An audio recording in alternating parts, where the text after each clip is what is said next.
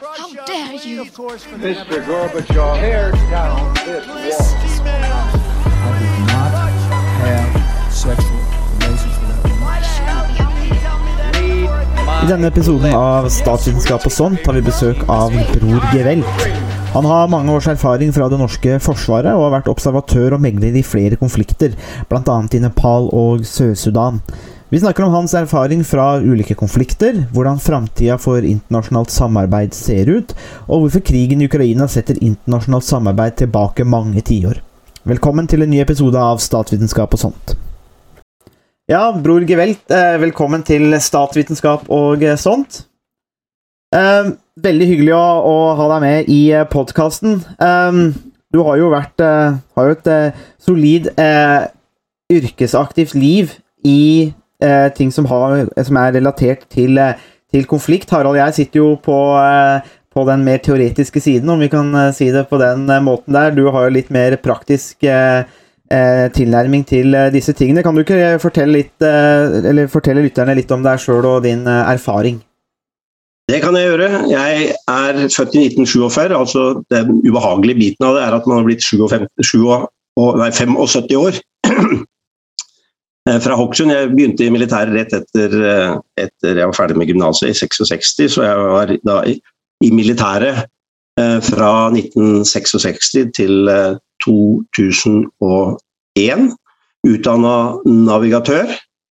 Den operative delen av mitt yrkesliv det sluttet jeg i 1989. Da var jeg som skvadronsjef på en transportskvadron på Gardermoen. Etter det så ble det stabstjeneste, som vi kaller kontortjeneste i, eh, i, i Forsvaret. Eh, fram til 2001. Eh, Forsvarets overkommando i Oslo og tre år i Brussel. Fra 2001 til 2004 var jeg ansatt ved Utenriksdepartementet i sikkerhetspolitisk avdeling. Eh, det som er litt interessant i denne sammenhengen, det er at de siste årene i Forsvarets overkommando så ledet jeg Forsvarets nedrustningsavdeling.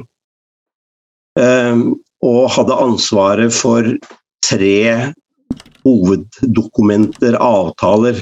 Den ene er CFE-avtalen, som er Conventional Forces Europe, altså en, en, en nedrustning av konvensjonelle våpen. Eh, og så hadde du Wien-dokumentet av 1990, som er tror jeg er veldig relevant i denne sammenheng, særlig når vi prater om Ukraina. Eh, som er et, eh, et dokument eh, som tilhører Organisasjonen for sikkerhetssamarbeid i Europa. Og så var det Open Skies.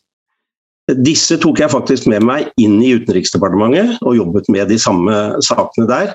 I tillegg så hadde jeg da ansvaret for uh, oppfølgingen av uh, en FN-konvensjon om certain conventional weapons og kjemiske våpen. Det er eh, det etter jeg gikk av med pensjon i 2004, altså jeg sluttet i Utenriksdepartementet, man kunne slutte relativt eh, tidlig i Forsvaret, det er en av de store fordelene. Så begynte jeg på en litt, litt annen karriere. Jeg eh, meldte meg da på i Nordem, som er Norsk ressurssenter for demokrati og menneskerettigheter. Eh, og drev med valgobservasjon i konfliktområder.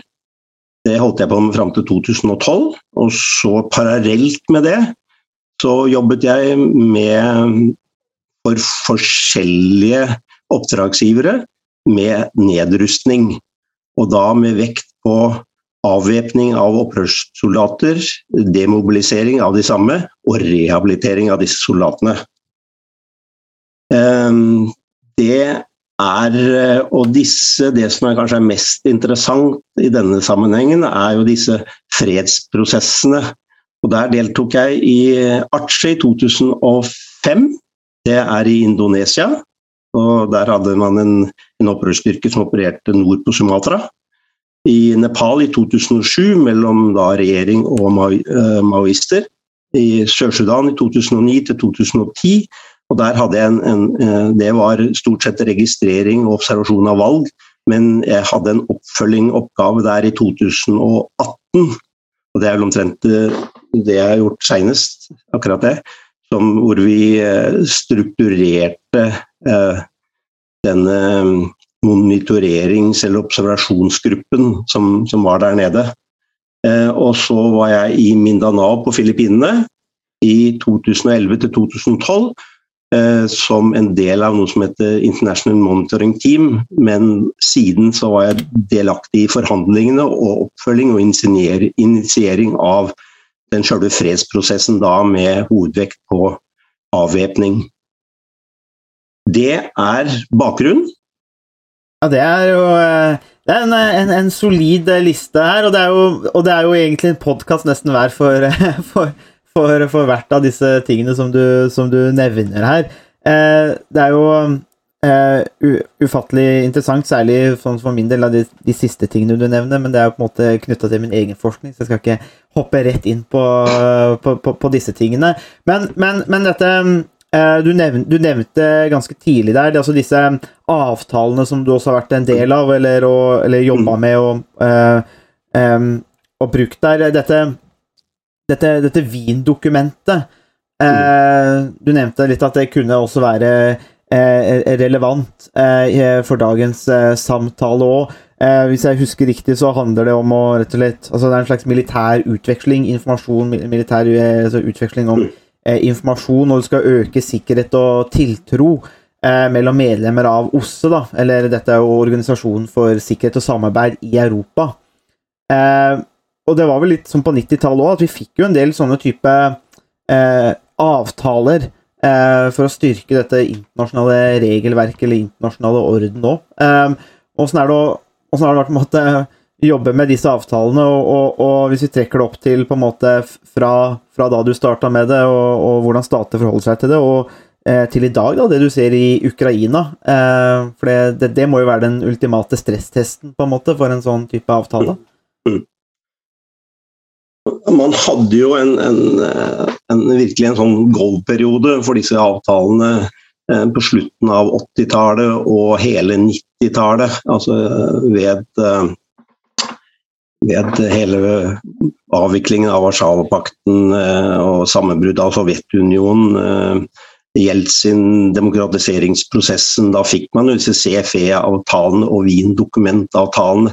Wien, altså Wien-dokumentet er jo en, en, en følge av disse prosessene som startet med konferanse i 75, og så i Helsinki, og så kom man til 85-86, Stockholmskonferansen. Og så eh, Et av disse benene som eh, Organisasjonen for sikkerhet og samarbeid i Europa hviler på, er jo sikkerhetsbiten av det.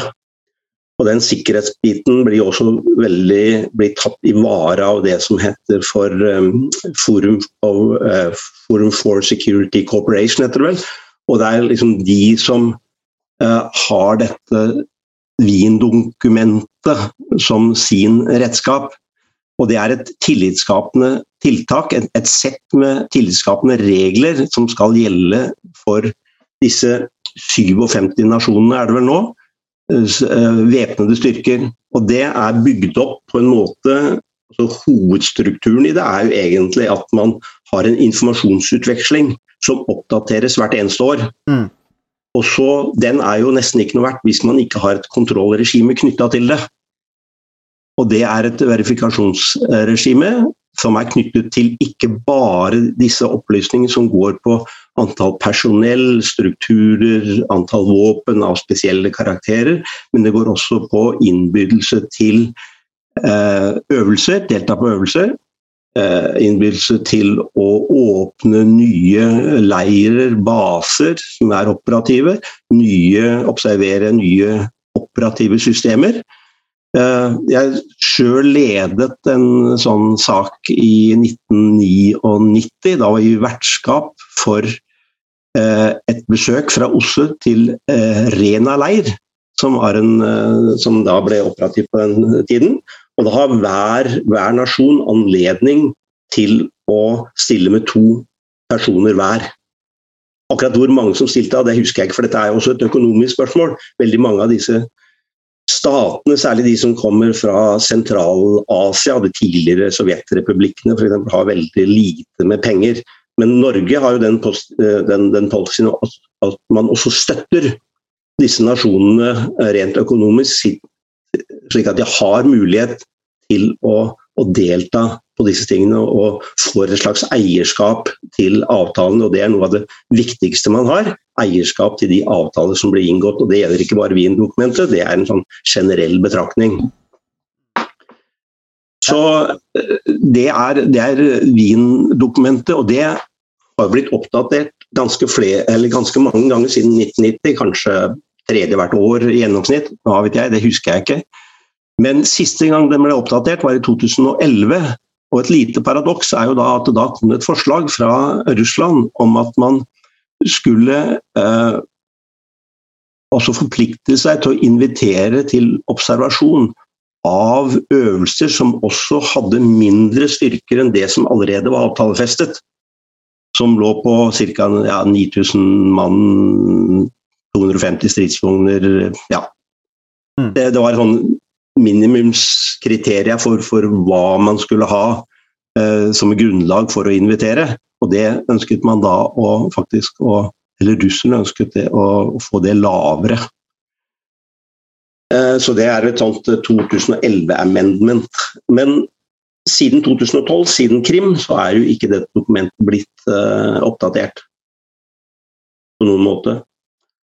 Og har vel da også mistet noen av sin verdi når en av de store altså maktutøverne, maktfaktorene i denne organisasjonen, velger å se bort fra det verktøyet som ligger der, så har man veldig lite eh, lite grunnlag for å gå videre med det, forfølge akkurat det sporet.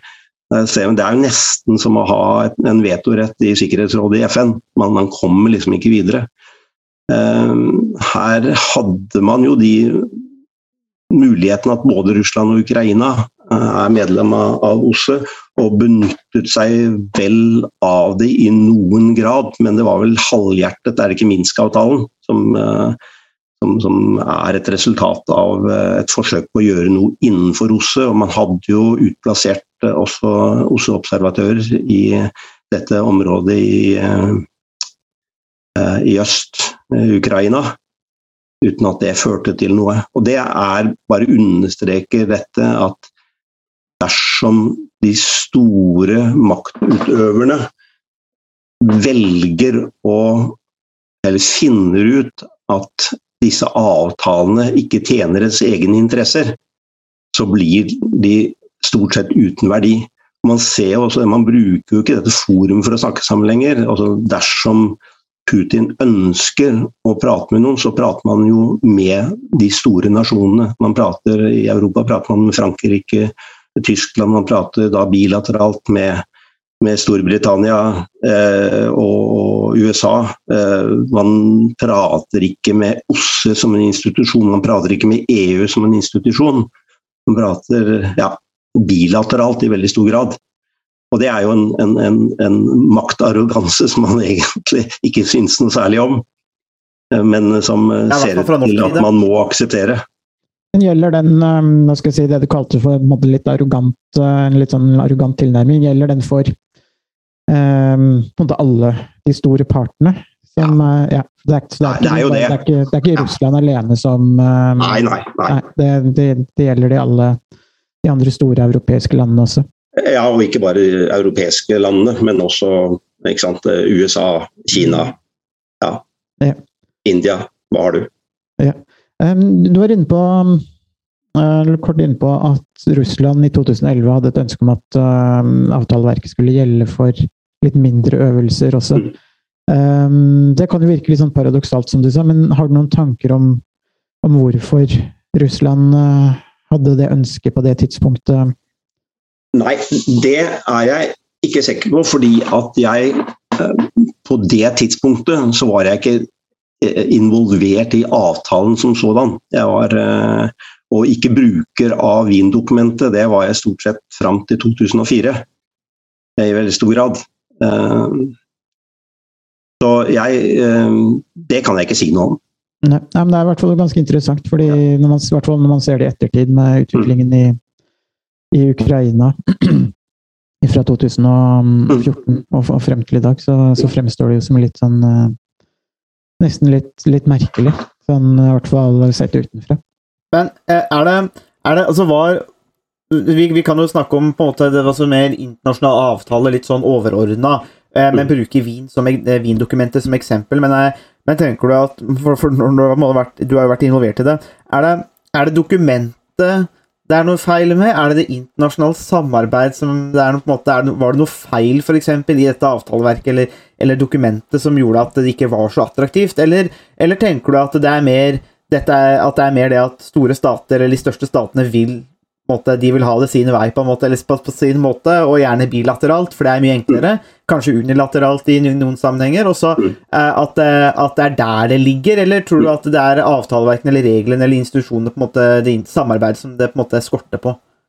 Nei, det, det er åpenbart det siste. altså Wien-dokumentet, CFE-avtalen f.eks., som vi ta nevne to, er jo veldig godt gjennom, gjennomarbeida dokumenter. Uh, CF-avtalen er jo til og med juridisk bindende, mens det er ikke Wien-dokumentet. Det er politisk bindende for alt det det er verdt.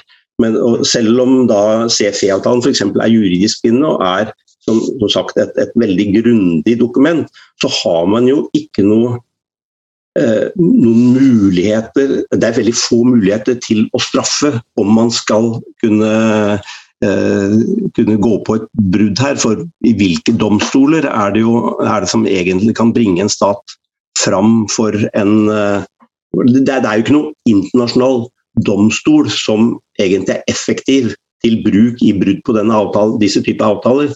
Eh, det er jo veldig aktuelt nå. Det er jo stort sett den staten som har begått lovbruddene, som også skal etterforske de. Mm.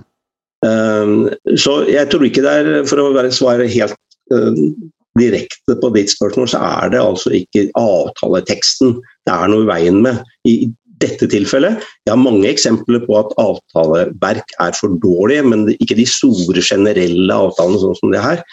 Men, eh, men, akkurat dette med avtale er veldig viktig for de som skriver avtaler på et litt lavere nivå. Når man driver med sånne litt sånn, eh, lokale konflikter og sånt, så er det slik at de som sitter og fremforhandler disse avtalene, de er veldig ofte ikke bevisst på at dette også må gjennomføres på bakken. Gjennomføres på bakken. Altså, det er implementable on, on, the ground. Det er sånn veldig viktig. og Da kommer vi praktikerne inn veldig ofte som sånn backstagere og, og, sier at ok, her har vi erfaring med at dette, dette faktisk ikke virker. Dette er bare en, en, en, noen ord på papir. Her må det mer konkrete ting til.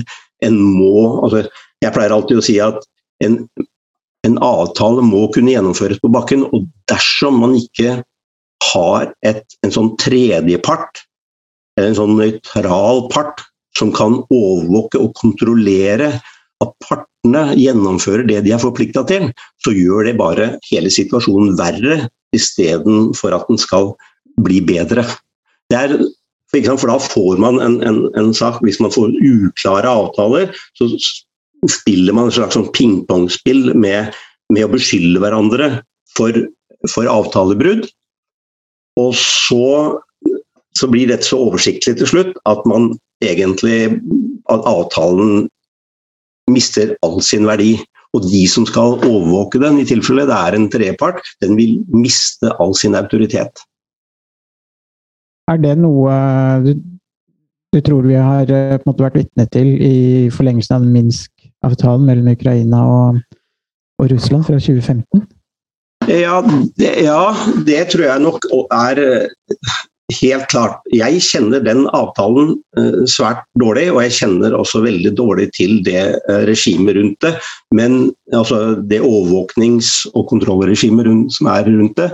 Men det er min forståelse når jeg har pratet med folk, at dette er, det er for et svakt avtalegrunnlag. Mens man f.eks i, eh, i Aceh, i, i, Indonesia, i, også i Nepal, hadde et veldig godt avtaleverk i bunn. Og også som hadde Som ga tredjeparten et veldig klart eh, mandat. Også at man hadde sanksjonsmuligheter innebakt i avtaleverket. Og det er særdeles viktig. Mm. Eh, noen avtaler har det faktisk eh, innebygd, men der finner partene ut at de ikke vil bruke det. og det er, Sist jeg jobbet med Sør-Sudan, var det et tilfelle. Eh, det, det, var så skjørt hele avtaleverket at man ikke ville benytte seg av de sanksjonsmulighetene som lå der. Men i Atsje og Nepal hadde man veldig gode sanksjonsmuligheter. Og eh, også på, faktisk I Mindanao på Filippinene hadde man også gode sanksjonsmuligheter og gode institusjoner til å håndtere konfliktsituasjoner, men benyttet seg litt for lite av å bruke det. benytte. Hva slags eh, sanksjonsmuligheter er det vanlig å ha med i den type avtaler? Eh, det er at man kan Stort sett så er det å gå La oss si at man, at man rapporterer en en, et brudd på avtalen som er observert, eller den ene parten eh, eh, har begått, så rapporteres det via et system opp til et styringsorgan hvor begge parter er eh, involvert, og tredjepart. Og da kan man gå ned igjen i systemet til den andre parten og sanksjonere mot en hel avdeling eller enkeltpersoner. Er det snakk om en straffeforfølgelse reaksjon lignende, eller er det Ja, det, altså det er veldig Altså hvis man Særlig på enkeltpersoner så kan man gå inn og, og straffeforfølge, og det har skjedd. Jeg kan ikke nevne konkrete tilfeller, men man kjørte et veldig strengt regime, særlig i Arche, på dette. Mm. Det har kanskje noe med eierskap å gjøre òg, altså til, til, til prosessen òg? Ja, helt opplagt. Ja, ja, men jeg tenkte, ettersom du er faktisk inne på dette med Arche og, og, og Sør-Sudan eh, Så Du nevnte jo helt innledningsvis at du har jo vært inne i en del eh, i konflikter. Eh, mm. og kommet inn der ja, kanskje, som en tredjepart, da. Eh, observatør eh, og, og, disse tingene. Men eh, det, det, tenker jeg Hvordan Kan du fortelle noe om si noe om, eh, om, om, hvordan den erfaringen er? Altså hvordan det faktisk er å komme inn utenfra. mm. måte, fordi ja, konflikt, Hver konflikt er jo på en måte unik, eh, og man må jo orientere seg og osv. Så, videre. så hvordan er det å komme inn der som en, eh, en observatør og en tredjepart? Det er veldig interessant. For å Altså, man kommer veldig kjapt inn. På, på de avtalene som er mest vellykka, så er det veldig kort tid fra man skriver, partene skriver under en avtale, til man begynner å implementere. Og Det første man gjør, det er jo dette med avvæpning, fordi at eh, man erkjenner at man ikke kan ha to parallelle hærer i en nasjon. Hvis man ikke får til det, så klarer man heller ikke å, å følge opp resten av avtaleverket. Eh, og, og i, for I Nepal så var det en veldig fin formulering. Avvæpning er jo ikke et mål i seg sjøl. Det, liksom, det er et noe man gjør fordi at man skal lage fordelaktig, en fordelaktig atmosfære for valg. Og da gir det, det veldig mening. Og det var faktisk formulert i denne Nepal-avtalen av 2000 eh, og, ja, november 2006, var det vel. Så det er, en, det er en veldig fin formulering. Men man må liksom inn med dette, og da jeg var den første som foretok eh, avvæpning både i Atsje og i eh, Nepal. Og da er det det viktigste med hele den saken, det er dette med eierskap. Fordi at i Atsje så var det da GAM, den frigjøringsbevegelsen der, den hadde skrevet under på at den var innenfor de sektorene som de opererte, så var det de som var ansvarlig for tredjepartssikkerhet. Akkurat det samme var det da vi var i, i Nepal. Da hadde man altså Da opererte vi innenfor maoistleire, syv stykker av de. Og vi Og jeg tror vel aldri at jeg har følt meg så trygg som akkurat, akkurat der. Fordi at det, den politiske belastningen for disse organisasjonene ved at et, en, en tredjepartsrepresentant skal bli drept eller komme til skade på en måte som, som, som er deres Hvor det kan liksom spores tilbake deres feil, den er så stor at den vil de ikke ta. Men, så det er det, på en måte så er det, er det veldig, veldig, trygt, men det er veldig mange andre usikkerhetsmomenter rundt det. Hva, hva, ligger til rette når du kommer der? Og er, Særlig når du kommer inn i, en, i startfasen, så er det ingenting. Fordi at ingen av partene har oppfylt de andre forpliktelsene, f.eks. For hvem skal gi deg mat? Hvem skal sørge for at du får toalett eh, tilgjengelig? Jeg har, jeg har en, eh, en, liten eh, morsomhet i, i, i Nepal. Eh, da var det da regjeringen som sørget for at det var en, en mat og, og, og toalettfasiliteter, og det var det jo absolutt ikke. Det var absolutt ingenting. Så jeg, eh, I Nepal måtte jeg gå til en, kommandøren av den, denne brigaden og sa at dette er situasjonen, og her er det Jeg satt sammen med en annen kar og noen eh, frivillige, eller ja, nærmest frivillige, som, som drev med IT, og skulle registrere både våpen og personell, og som hadde omtrent ingen felterfaring. Så etter hvert så fikk vi en avtale at vi fikk ene, det ene toalettet. Eh, det, et toalett er et veldig fint ord. Det er en utedo med høl i bakken. Meget uh, primitivt. Og, og, fikk mat av maoistene. Vi fikk dalbat tre ganger i døgnet. Jeg gikk ned åtte kilo på ei uke. Uh, nei, det var litt mye, men jeg gikk ned ganske mye. Uh, det er ris og curried vegetables og linsesuppe. Og Kostøret var seks kroner dagen. Men en, en, litt morsomhet rundt det da regjeringen kom inn og skulle lage litt mer permanente toaletter, så var det fremdeles denne uh, tradisjonelle toalettet, hvor du, sitter, hvor du sitter Det er plass til beina, og så er det et hull i bakken. Og for disse menneskene som, som, som er der, de er, de, har, de, er, liksom bygd på en litt annen måte enn oss. De kan gå ned i knestående og sitte da eh, i fortauskanten og lappe sko i timevis med knærne opp under øra, og det kan ikke jeg, iallfall. Jeg er et ganske stivt personell. Og jeg sto i fare for å ramle ned i møkka, og det fortalte jeg til den ingeniøren som skulle sette opp disse Eh, toalettene. Jeg sa at jeg må enten ha en påle å holde i foran, eller så må jeg ha et eller annet sånn tauverk som sitter i veggen så jeg kan holde meg i. Nei, det var ikke på tegningen hans, sier han, så det, det kan vi ikke gjøre. Jo, sa jeg, det er en, en No shit, no peace, jeg til henne. Og til slutt så gikk han med på det, da, så vi fikk en sånn tauverk som var knytta i, i, veggen, som var for stive nordeuropeere å holde seg i. De har sikkert gått det er så veldig mye usikkerhet rundt det. Men, men selve den, den sikkerheten uh, rundt eget liv, den syns jeg var bra. Jeg spørs om de snakker om det fortsatt, da. I, uh, ja, det kan... denne, om denne nordmannen som skulle komme og skulle hjelpe til, og som, ja. som, måtte ha hjelp til å gå på do. Mm. Men uh, usikkerheten var mye større f.eks. i Sør-Sudan, for da var det så mange grupperinger som man ikke hadde kontroll på.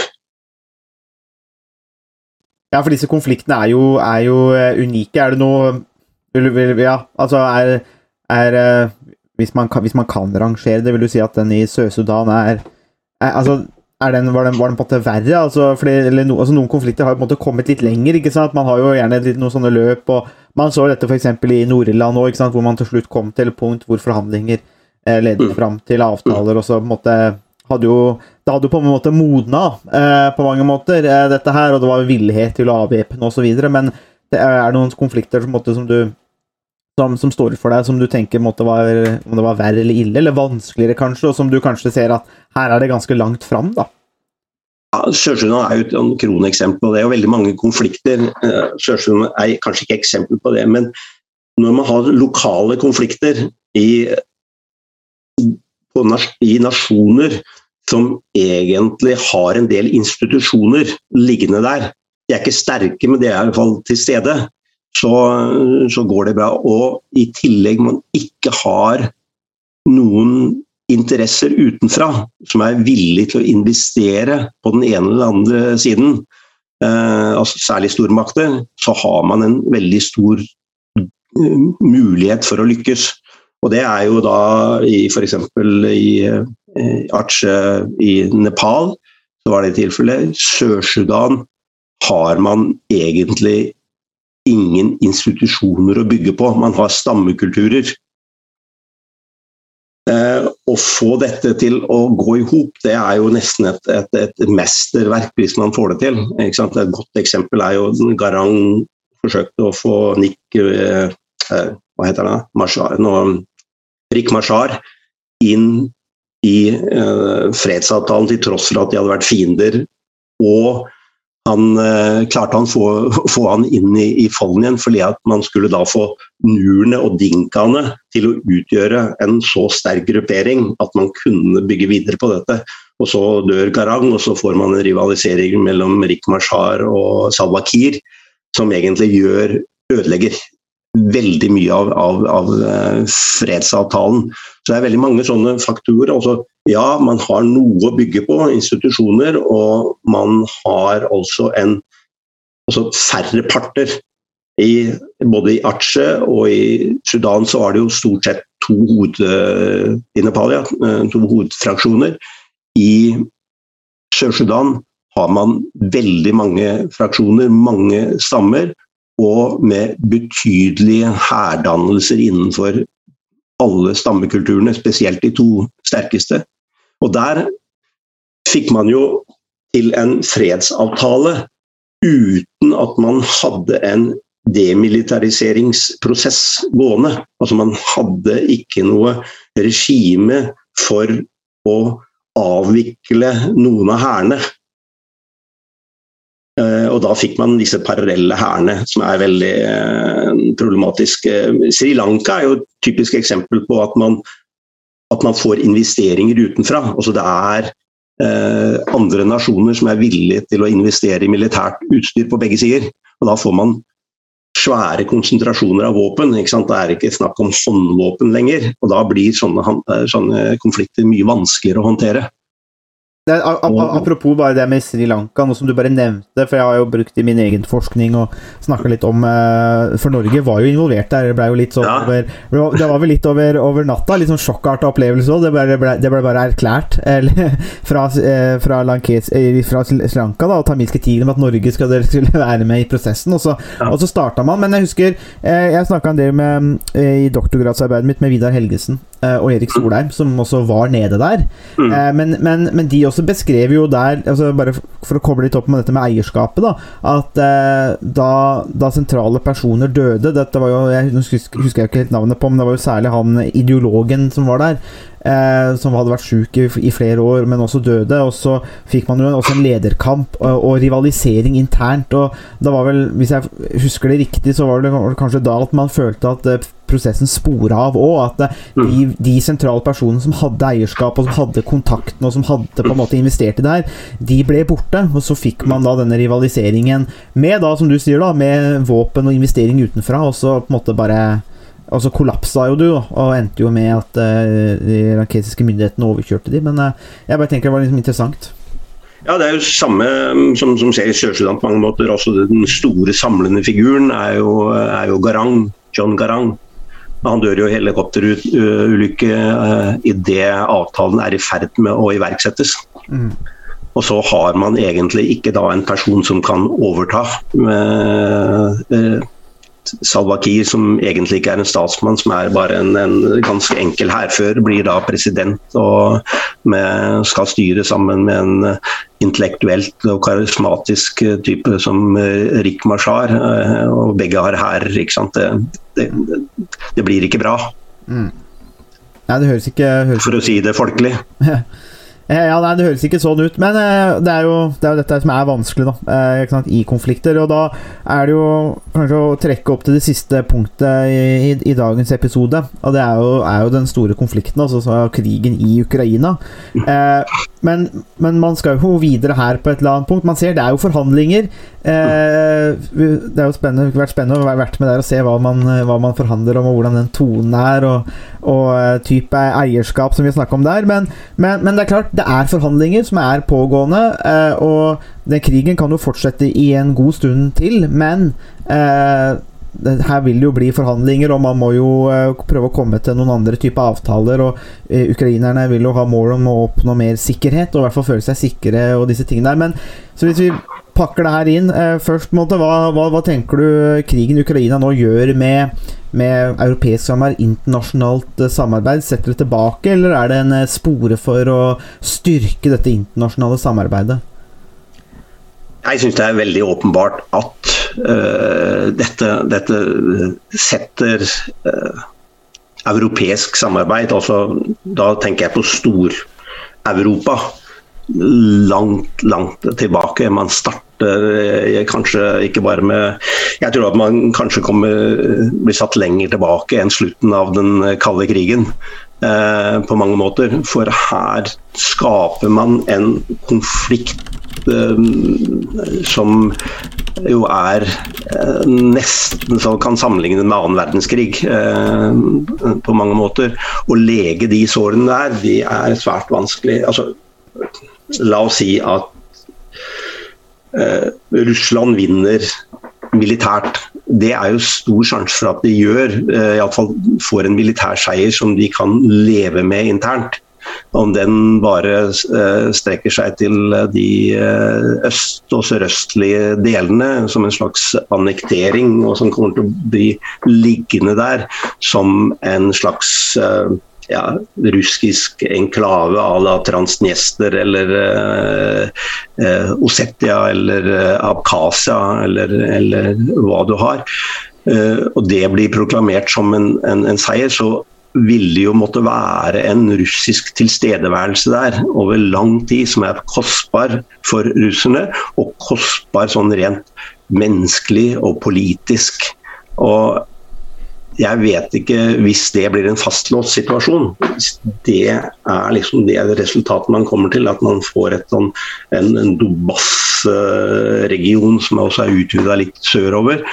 Så um, tror jeg at det er en situasjon man må leve med i, i, i mange, år, mange år. Og selv om man skulle finne noen politiske løsninger på det, så tror jeg at den, det menneskelige eh, hva skal vi si, altså, Hva skal jeg finne på et, et, et norsk ord på det, da? Altså, eh, det hatet nærmest som, som, vil oppstå mellom to grupperinger, mm. det tror jeg det vil ta relativt mange generasjoner til for å lege. Mange har jo vært øh, inne på at øh, noe av bakgrunnen til at Russland har øh, hatt en viss aggresjon mot Ukraina når krigen i Ukraina, er at eh, Russland har opplevd at deres eh, sikkerhetsbehov eller ønske om sikkerhet ikke har blitt ivaretatt i, uh, i tilstrekkelig grad i Europa. Um, og Du har vært litt inne på det med avtaleverket som har vært rundt um, med Wien-dokumentet osv. Altså, sånn, sånn, som du ser det, um, i hvilken grad har Russlands sikkerhetsbehov eller blitt ignorert av resten av Europa eller Nato og USA og andre, andre parter. I, i, i opp, opptakten til den konflikten her, både i 2014 og, og før og se, senere, egentlig. Vi har vel stort sett ikke vært veldig flinke til å tolke uh, russere um, i, i, Vesten. Uh, og fra deres ståsted så ser jo de på Nato f.eks. som en, en, en, organisasjon som har ekspandert. De ser jo ikke på Nato medlemskap som noe de andre nasjonene har villet. og Det er liksom er mm. veldig to, to, forskjellige eh, ting. Mm. Eh, den ene er jo aggressiv, den andre er jo en politisk vilje fra andre nasjoner til å skaffe seg en sikkerhet, som også er vel begrunnet eh, gjennom eh, relativt mange tiårs eh, opplevelser. Eh, gjennom sovjetdominans. Så disse to ståstedene de står jo veldig og virkelighetsoppfatningen står veldig langt fra hverandre. Og jeg tror nok at vi har vært usedvanlig lite flinke til kanskje å kommunisere det overfor russerne, men om det hadde hjulpet, det vet man jo ikke. Ehm, det hvis man, man, leser i ettertid da, det som, alt det som blir skrevet om om eh, Putins visjoner og hans bakgrunn. og egentlig Man, man ser på egentlig hvordan han har eh, skaffet seg lojalitet. En har skaffet seg eh, kontroll over media, som er usedvanlig viktig. Jeg tror ikke du hadde klart å gjennomføre denne konflikten engang uten mm. å ha så steinhard kontroll over media. Og det syns jeg er kanskje noe av det merkeligste som er. For noen år siden så tenkte jeg at moderne mediateknologi, sosiale medier, den ville kunne forhindre ja, altså nasjoner, autoritære regimer, å stoppe informasjonstilgangen til den vanlige befolkningen. Men det har vist seg egentlig å være ganske effektivt gjort, og det overrasker meg i veldig stor grad.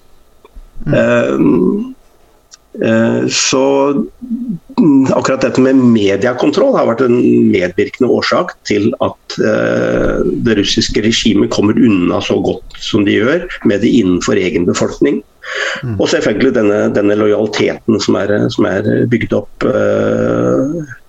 gjennom et, eh, en, en, politisk eh, opposisjon som egentlig ikke er en opposisjon, det er en, det vi kaller en lojal opposisjon. Tar ikke opp på de store spørsmålene og får lov til å leve da i en opposisjonsvirkelighet, som gjør at man har to tredels flertall for å, gjøre, for å omgjøre de fleste forslagene som kommer fra Putin og hans regime om til eh, ikke bare lovforslag, men også grunnlovsforslag og grunnlovsendringer, som gjør at man får det, det autoritære Ikke bare stempelet, men man, man, blir faktisk autoritær. og Da får man denne kontrollen som skal til for å gjøre det man gjør. Ja. Uh,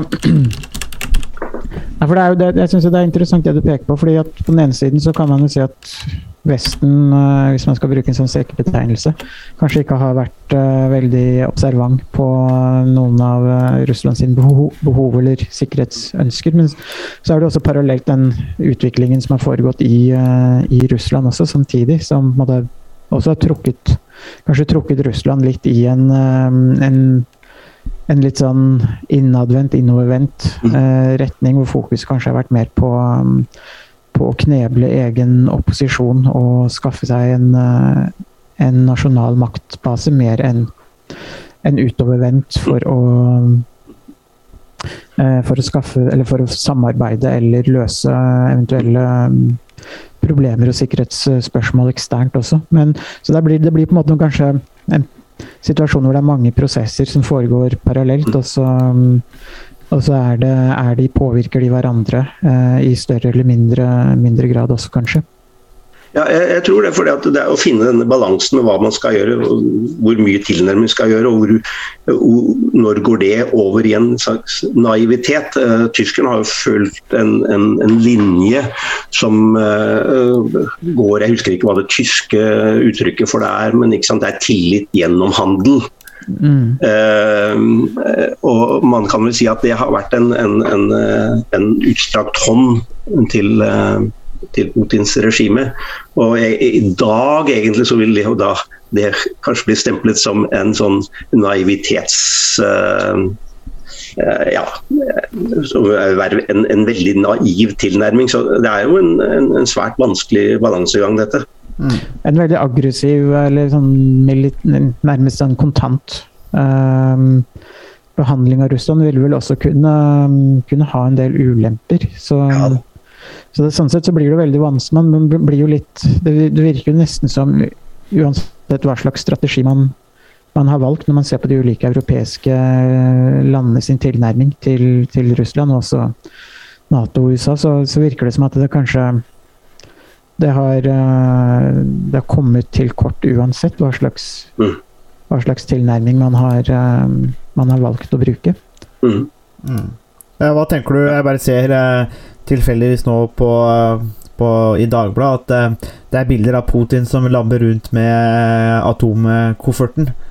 Uh, det, det, altså, er det en karikaturtegning, eller er det Nei da, han, han, er, i en begravelse i Russland, uh, og, ja. og, vakten, eller om det er rådgiver eller sikkerhetsvakt, kommer bak med kofferten. Altså, om, det, om, det er, om, om, det, er, på en måte den kofferten, eller om det på en måte bare skal symbolisere, vet jeg ikke. Men, eh, men du, du, du, som har vært i en, en, del konflikter, hva tenker du når, når lederen, den viktigste personen, sender de type signaler? Ja, Det er jo ikke, er ikke overraskende. Ikke det er jo ikke en vestlig leder som vil ha latt seg avfotografert med, med bar overkropp til hest og i eh, sånn type macho-positurer. Eh, Så det, man kan jo ikke bli veldig overrasket. Eh, og Dessuten er jo dette et veldig farlig spill. for Putin kan ikke tape denne krigen. altså Han må vinne den på en eller annen måte. og Der, der ligger jo også denne store risikoen for at man kan ta i bruk våpen som vi ikke tør nevne engang.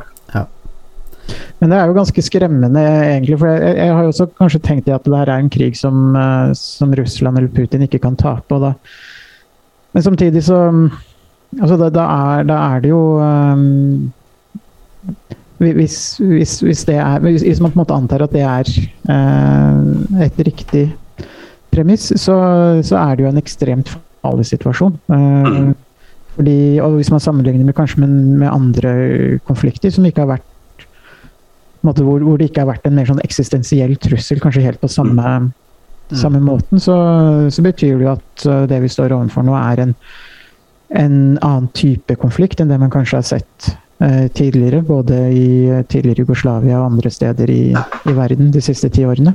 Ja. Og Hvordan er det vi kan forholde oss til en sånn uh, situasjon? For det er jo et ultimatum, på en måte. Mm det, jeg tror ikke jeg skal prøve meg på uh, å utdype det noe nærmere. nærmere. Det er, det er jeg, jeg bare understreker det du sier. Jeg tror at vi står overfor en situasjon som vi ikke har stått i på veldig mange, uh, veldig mange tiår. Og jeg tror heller ikke vi har noe godt fasitvar på hvordan vi skal håndtere det. Mm. Uh, man famler vel litt i blinde både med, med, sanksjoner og våpenhjelp. Og, og, her er det jo, Man snakker jo om røde linjer på både den ene og den andre siden. Uh, Nato, hvor, uh, når, hvor lenge kan de holde seg ute i en sånn situasjon? Vil det være eskalerende eller deeskalerende?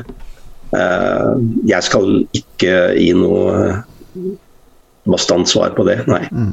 Nei, Men det betyr det er... kanskje at det, det, blir en langvarig konflikt, da, uansett hvordan ja. man, man uh, ser på det. For nå er det jo noen som snakker om at uh, Russland og Putin ønsker en, en rask uh, slags seier til 9. mai-paraden. og da, det er jo bare en tre-fire uker unna.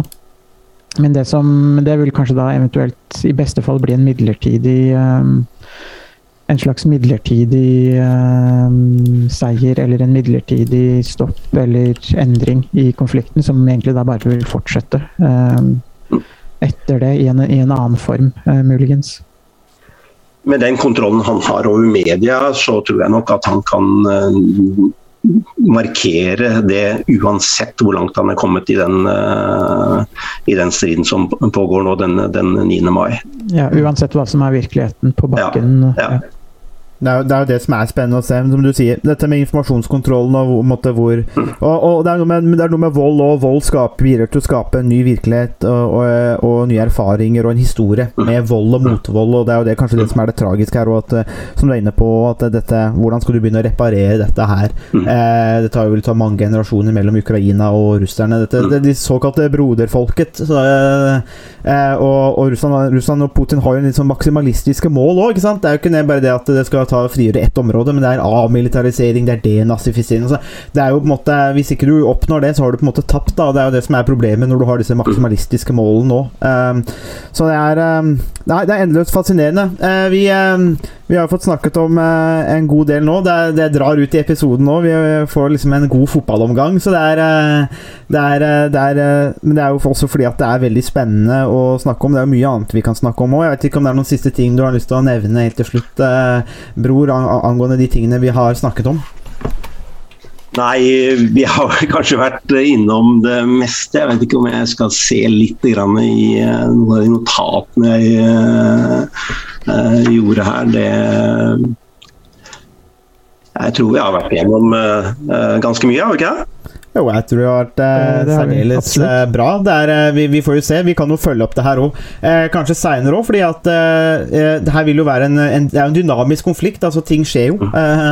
over, det vil jo utvikle seg over de neste ukene og månedene. og Det vil jo komme nye ting inn i spill, ikke sant? for nå starter vel kanskje neste krigen i øst. på en måte, eller Den har jo pågått, da, men altså nå større offensiver.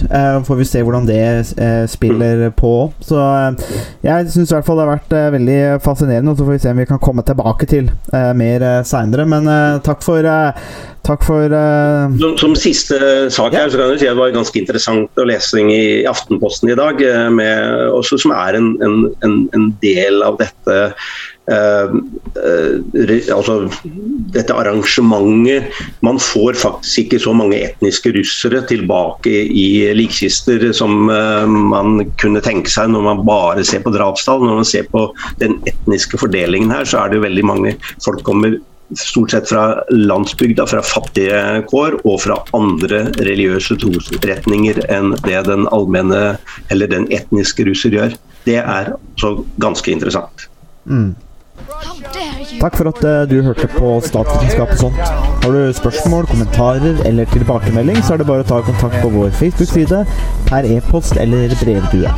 Musikken er som vanlig laget av Robin Horvath, og Mats Halvorsen mikser og redigerer podkasten. Vi høres!